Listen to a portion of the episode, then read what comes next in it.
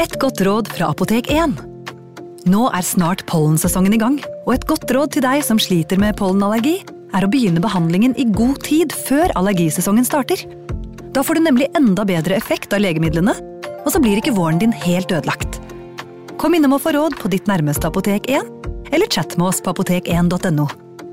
Apotek 1 vår kunnskap, din trygghet.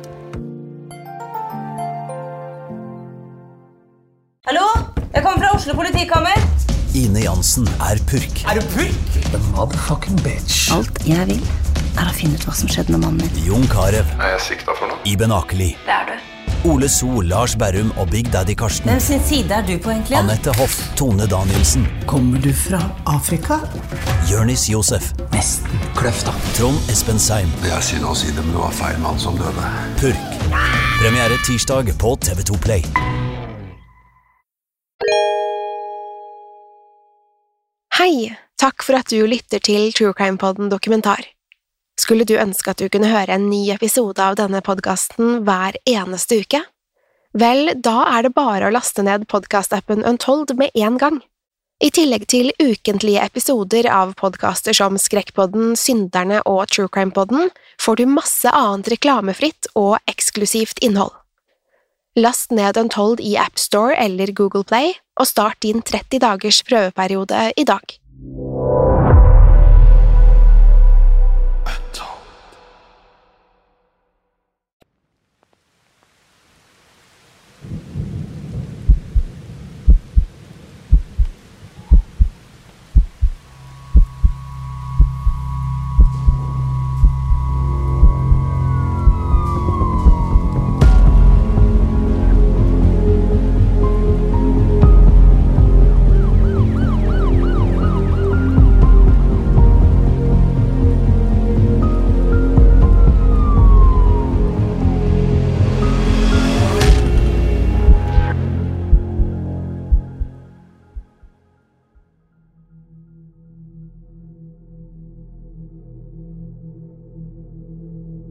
Clyde Barrow var endelig ute av fengselet.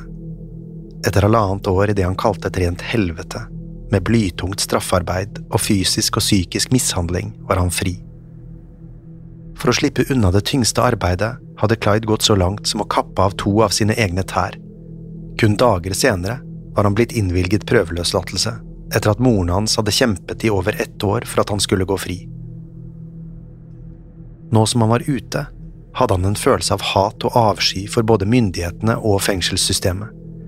Mens han haltet ut portene, kikket han seg tilbake med ondskap i blikket. Der og da sverget han å en dag komme tilbake. Da skulle de få svi for måten han var blitt behandlet på. Likevel var det en annen ting han måtte gjøre først. Mens han hadde sittet fengslet, hadde han brevvekslet med kjæresten Bonnie Parker. I begynnelsen hadde de skrevet til hverandre så ofte de kunne, men over det siste halvåret hadde brevene fra Bonnie blitt stadig færre og kortere. Clyde ante ikke hva som kunne være grunnen. Hun hadde ikke nevnt noe om det i brevene, og nå var han nødt til å finne ut av det. Det første Clyde gjorde, var å reise hjem til foreldrene sine, hvor han ble godt tatt imot. Moren hadde laget middag og stelt i stand fest, men Clyde hadde ikke tid til å bli værende. Han var nødt til å finne Bonnie. Etter å ha takket moren for staheten i å få ham løslatt, fant han frem sin fineste dress og satte av sted til Bonnies mor, Emmas leilighet. Det var det siste stedet han visste at Bonnie hadde bodd, og et godt sted å begynne. Da han kom frem, banket han på døren, men var for utålmodig til å vente på at den skulle besvares. Dermed åpnet han døren rett inn i stuen, hvor han fikk øye på Bonnie i sofaen, like vakker som alltid. Ved siden av henne satt en mann Clyde aldri hadde sett før, og like ved døren sto Emma med et forskremt uttrykk i ansiktet. Bonnie kikket opp fra boken hun leste, og fikk se Clyde i døråpningen. Det var slett ikke den samme mannen som hadde blitt fengslet halvannet år tidligere. Ansiktet hans var dratt og innsunket, og huden hans var tørr og oppsprukken. Han hadde en krykke godt plassert under hver arm, og så ut til å ha store smerter. Likevel smilte han det samme kjekke smilet hun husket ham for. Uten å ofre sin nye kjæreste Tom et blikk, reiste hun seg og løp mot Clyde. Hun kastet seg i armene hans, og de kysset hverandre. Det var som all tiden de hadde vært fra hverandre var blitt visket bort. Alt var som det skulle, så lenge de to var sammen. Tom reiste seg fra sofaen og stirret på Bonnie. Han kjente klumpen i halsen vokse for hvert sekund paret kysset, men innså at det ikke var noe han kunne gjøre. Dette var mannen Bonnie aldri hadde sluttet å prate om, og som hun aldri hadde glemt. Dermed gikk han rolig mot døren, uten å si et ord, og skulle aldri vise seg i Bonnies leilighet igjen. Bonnie var så lykkelig at hun slett ikke brydde seg om hvor det ble av Tom. Fra det øyeblikket skulle det være henne og Clyde for alltid. Det var hun ikke i tvil om. Over de neste dagene fikk Bonnie høre Clydes historier fra fengselet. Hun satt i vantro mens han fortalte om alt det grusomme han hadde opplevd. Der og da gjorde han det tydelig for henne at han aldri skulle tilbake til fengselet igjen, med mindre det var for å hevne seg. Til å begynne med forsøkte det unge paret å leve et relativt normalt liv i Dallas. Clyde gikk byen rundt for å finne seg en jobb, men det skulle snart vise seg å være vanskelig. Det var få som ønsket å ansette en tidligere innsatt, og på de få jobbene han fikk, ble han konstant trakassert av politiet. Clyde hadde fremdeles et rykte på seg for å være byens bråkmaker, og ble dermed et lett offer for politiet. Når enn det hadde blitt begått et ran eller et innbrudd, beskyldte de Clyde for å stå bak det. Selv når paret forsøkte å leve et lovlydig liv etter samfunnets normer og regler, ble de slått ned gang på gang. Dermed innså de snart at de aldri ville unnslippe fattigdommen om de holdt seg til spillereglene. De måtte lage sine egne regler og leve slik de ville for å ha en mulighet til å bli noe mer enn fabrikkarbeidere. Paret nådde et bristepunkt i mars 1932, da de følte de ikke kunne leve som de gjorde lenger. Akkurat da skulle skjebnen komme og banke på døren i form av Clydes gamle cellekamerat Ralph Fultz. Foltz hadde blitt løslatt før Clyde og reist hjem, men da han fikk høre at Clyde også var ute av fengsel, måtte han komme på besøk.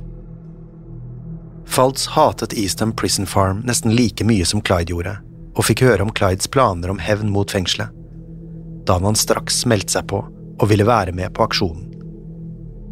I flere dager satt de to mennene og diskuterte hvordan de kunne skape kaos og ødeleggelse i Eastham, samtidig som de hjalp flest mulig innsatte å rømme. En slik aksjon ville kreve enorme mengder planlegging, for ikke å snakke om våpen, raske fluktbiler og et knippe villige medsammensvorne. Alt dette ville koste mye penger, eller bli vanskelig å stjele. Dermed fantes det kun én måte Clyde og Fultz kunne skaffe de nødvendige midlene på. Over de neste ukene begikk Clyde og Fultz en rekke små ran og innbrudd over store deler av Dallas og omegn. Hovedfokuset deres var på butikker og bensinstasjoner, hvor risikoen var mindre for å bli tatt. Likevel skal de også ha peilet seg inn på noen av de mindre bankene i byen. Selv om Clyde og Fultz satt på mer penger enn noen av dem noen gang hadde hatt, var det ikke nok til å gjennomføre planen riktig ennå. Det hjalp heller ikke at de brukte store summer til å kjøpe våpen fra en pantelåner som viste seg å være defekte. Clyde og Faltz trengte hjelp, og Clyde visste akkurat hvem han skulle spørre.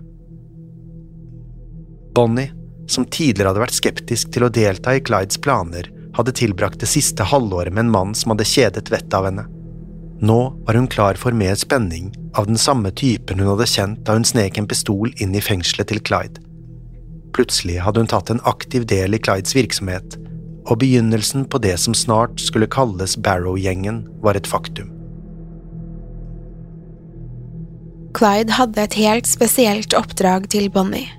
Han ville at hun skulle reise til Eastern Prison Farm og fortelle vaktene at hun var kusinen til Clydes tidligere cellekamerat Aubrey Scally.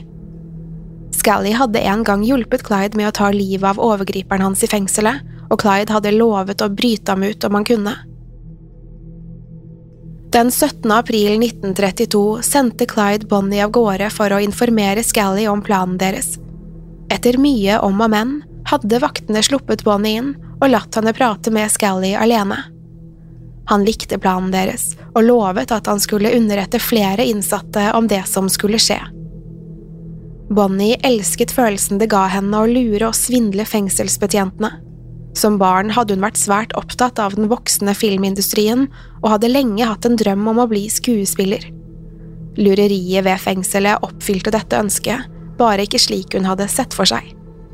Etter den dagen var Bonnie blitt et fullverdig medlem av Barrow-gjengen.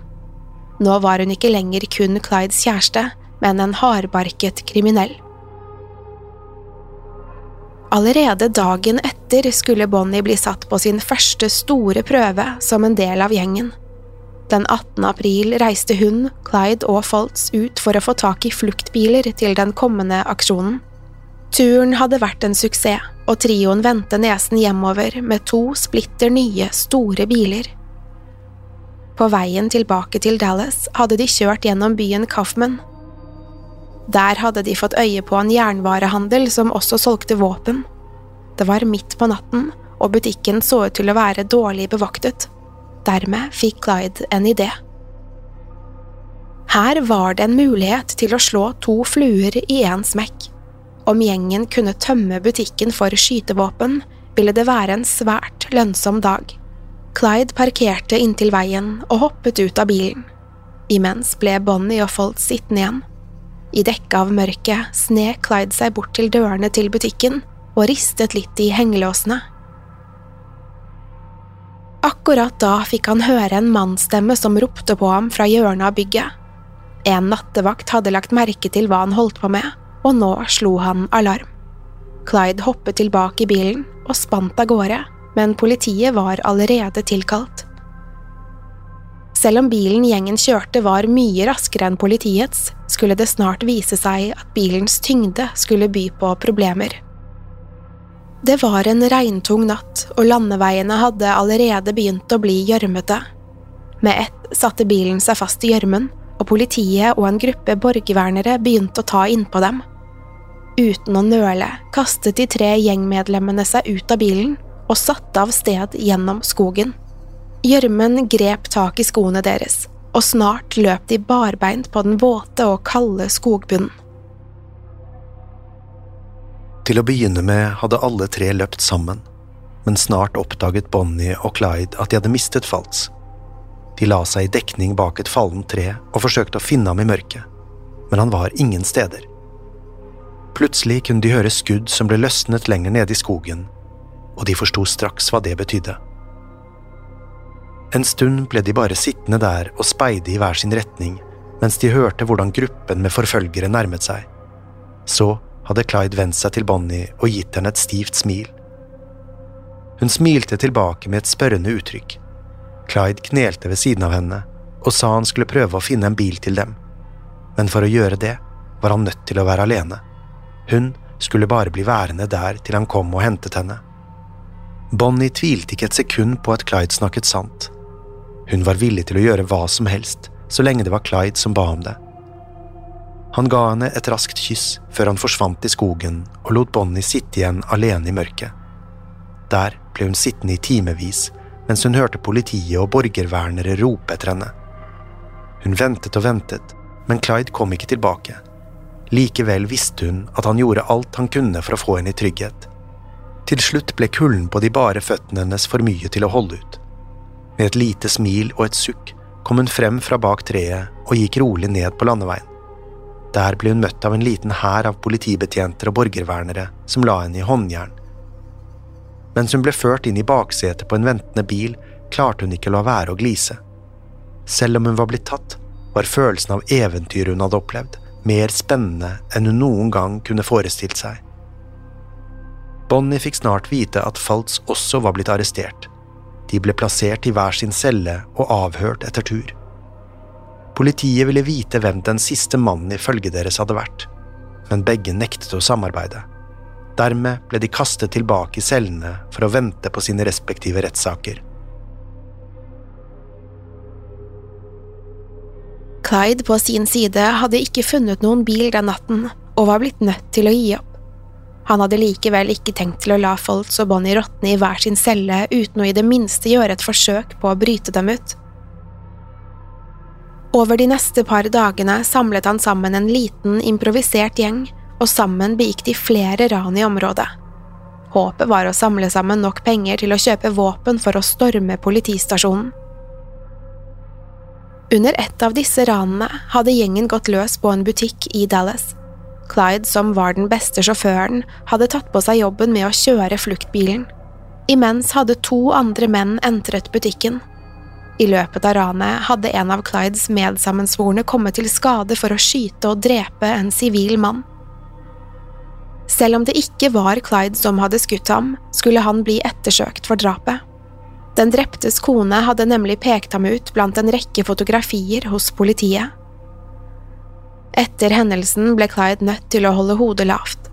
Politiet var på utkikk etter ham, og han kunne bare så vidt stikke nesen ut av døren på nattestid.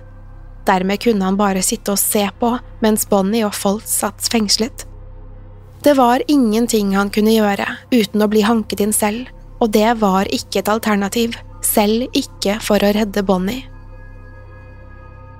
Gjennom felles bekjente fikk han høre at Foltz var blitt dømt til ti års fengsel, og at Bonnie fremdeles ventet på sin rettssak.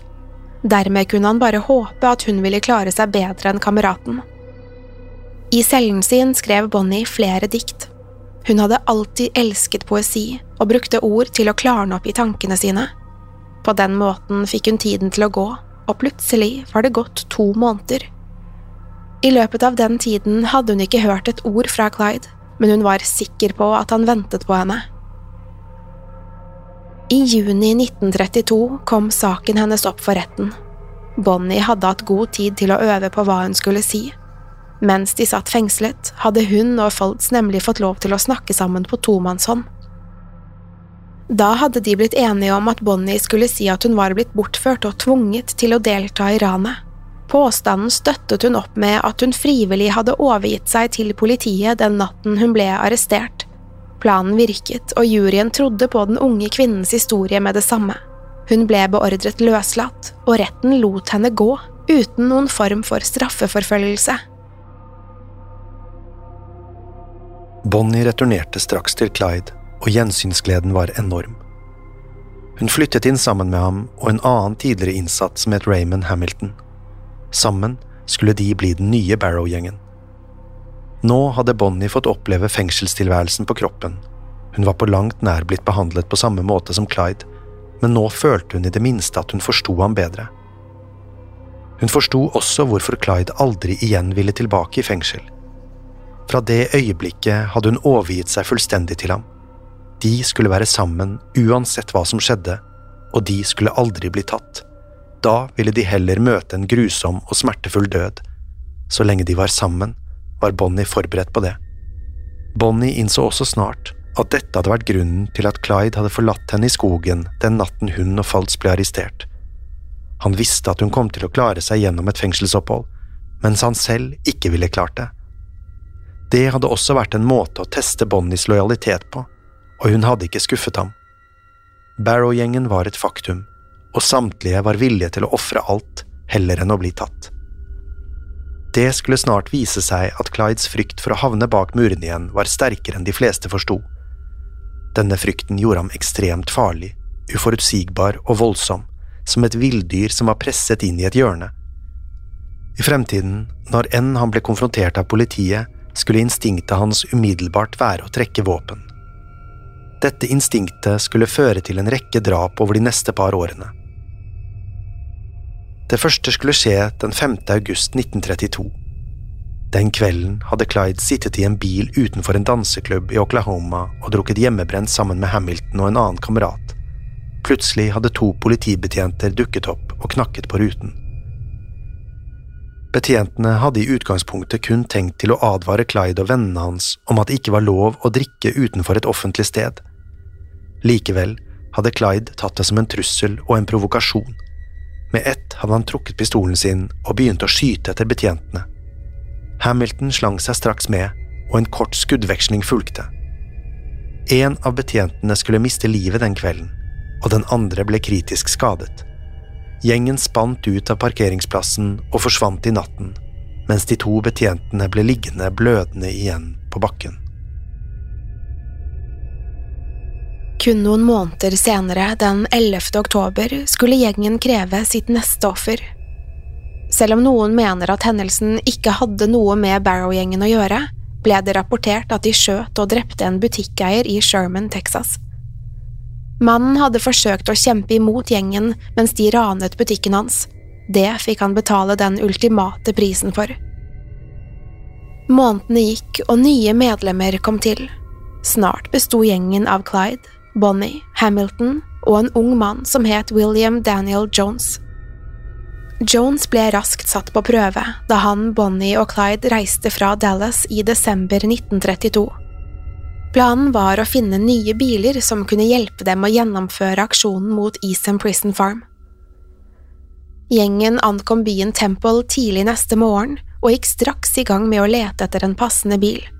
Til å begynne med hadde de holdt seg til bykjernen, men det ble snart åpenbart at det ikke fantes noe bedre der enn den de allerede kjørte.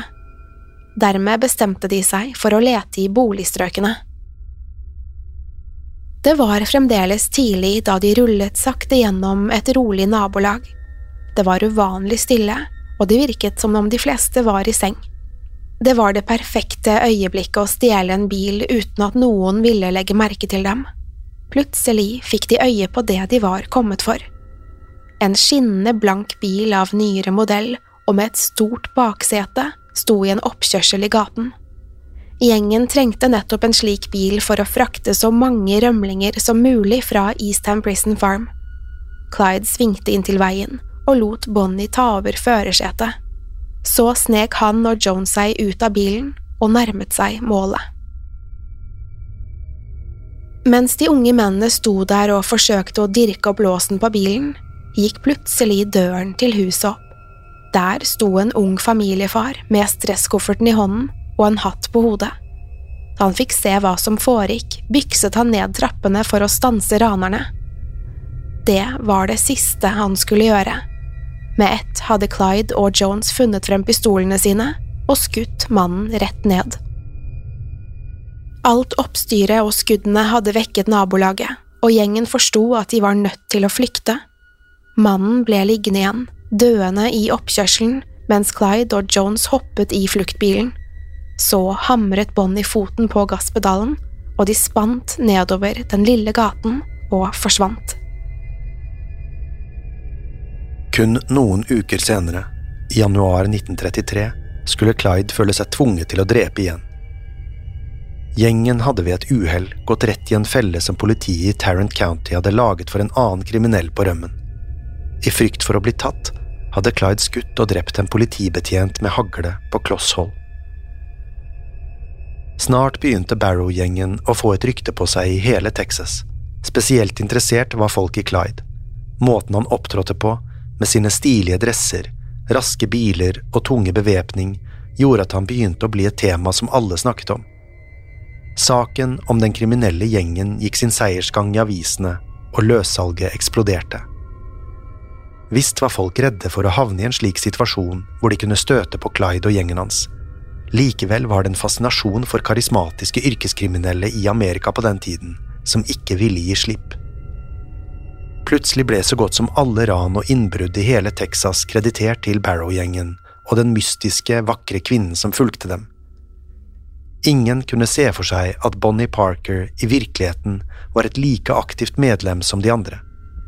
Barrow-gjengen var blitt lokale kjendiser, og snart skulle alle få se hva de virkelig var i stand til å utrette.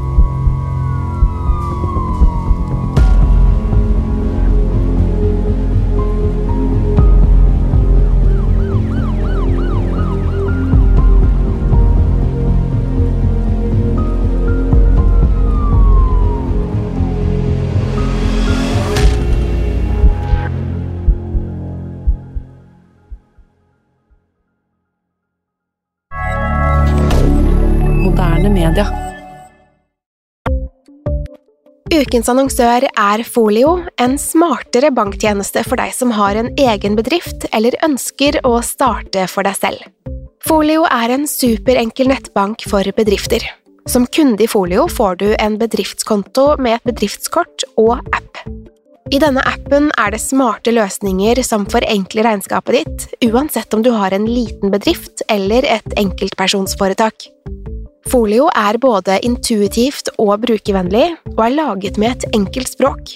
I tillegg tilbyr de forutsigbare priser og ingen skjulte gebyrer. Skulle du likevel trenge det, så kan du snakke med deres raske og hyggelige kundeservice, og der får du prate med en faktisk person og ikke en chatbot.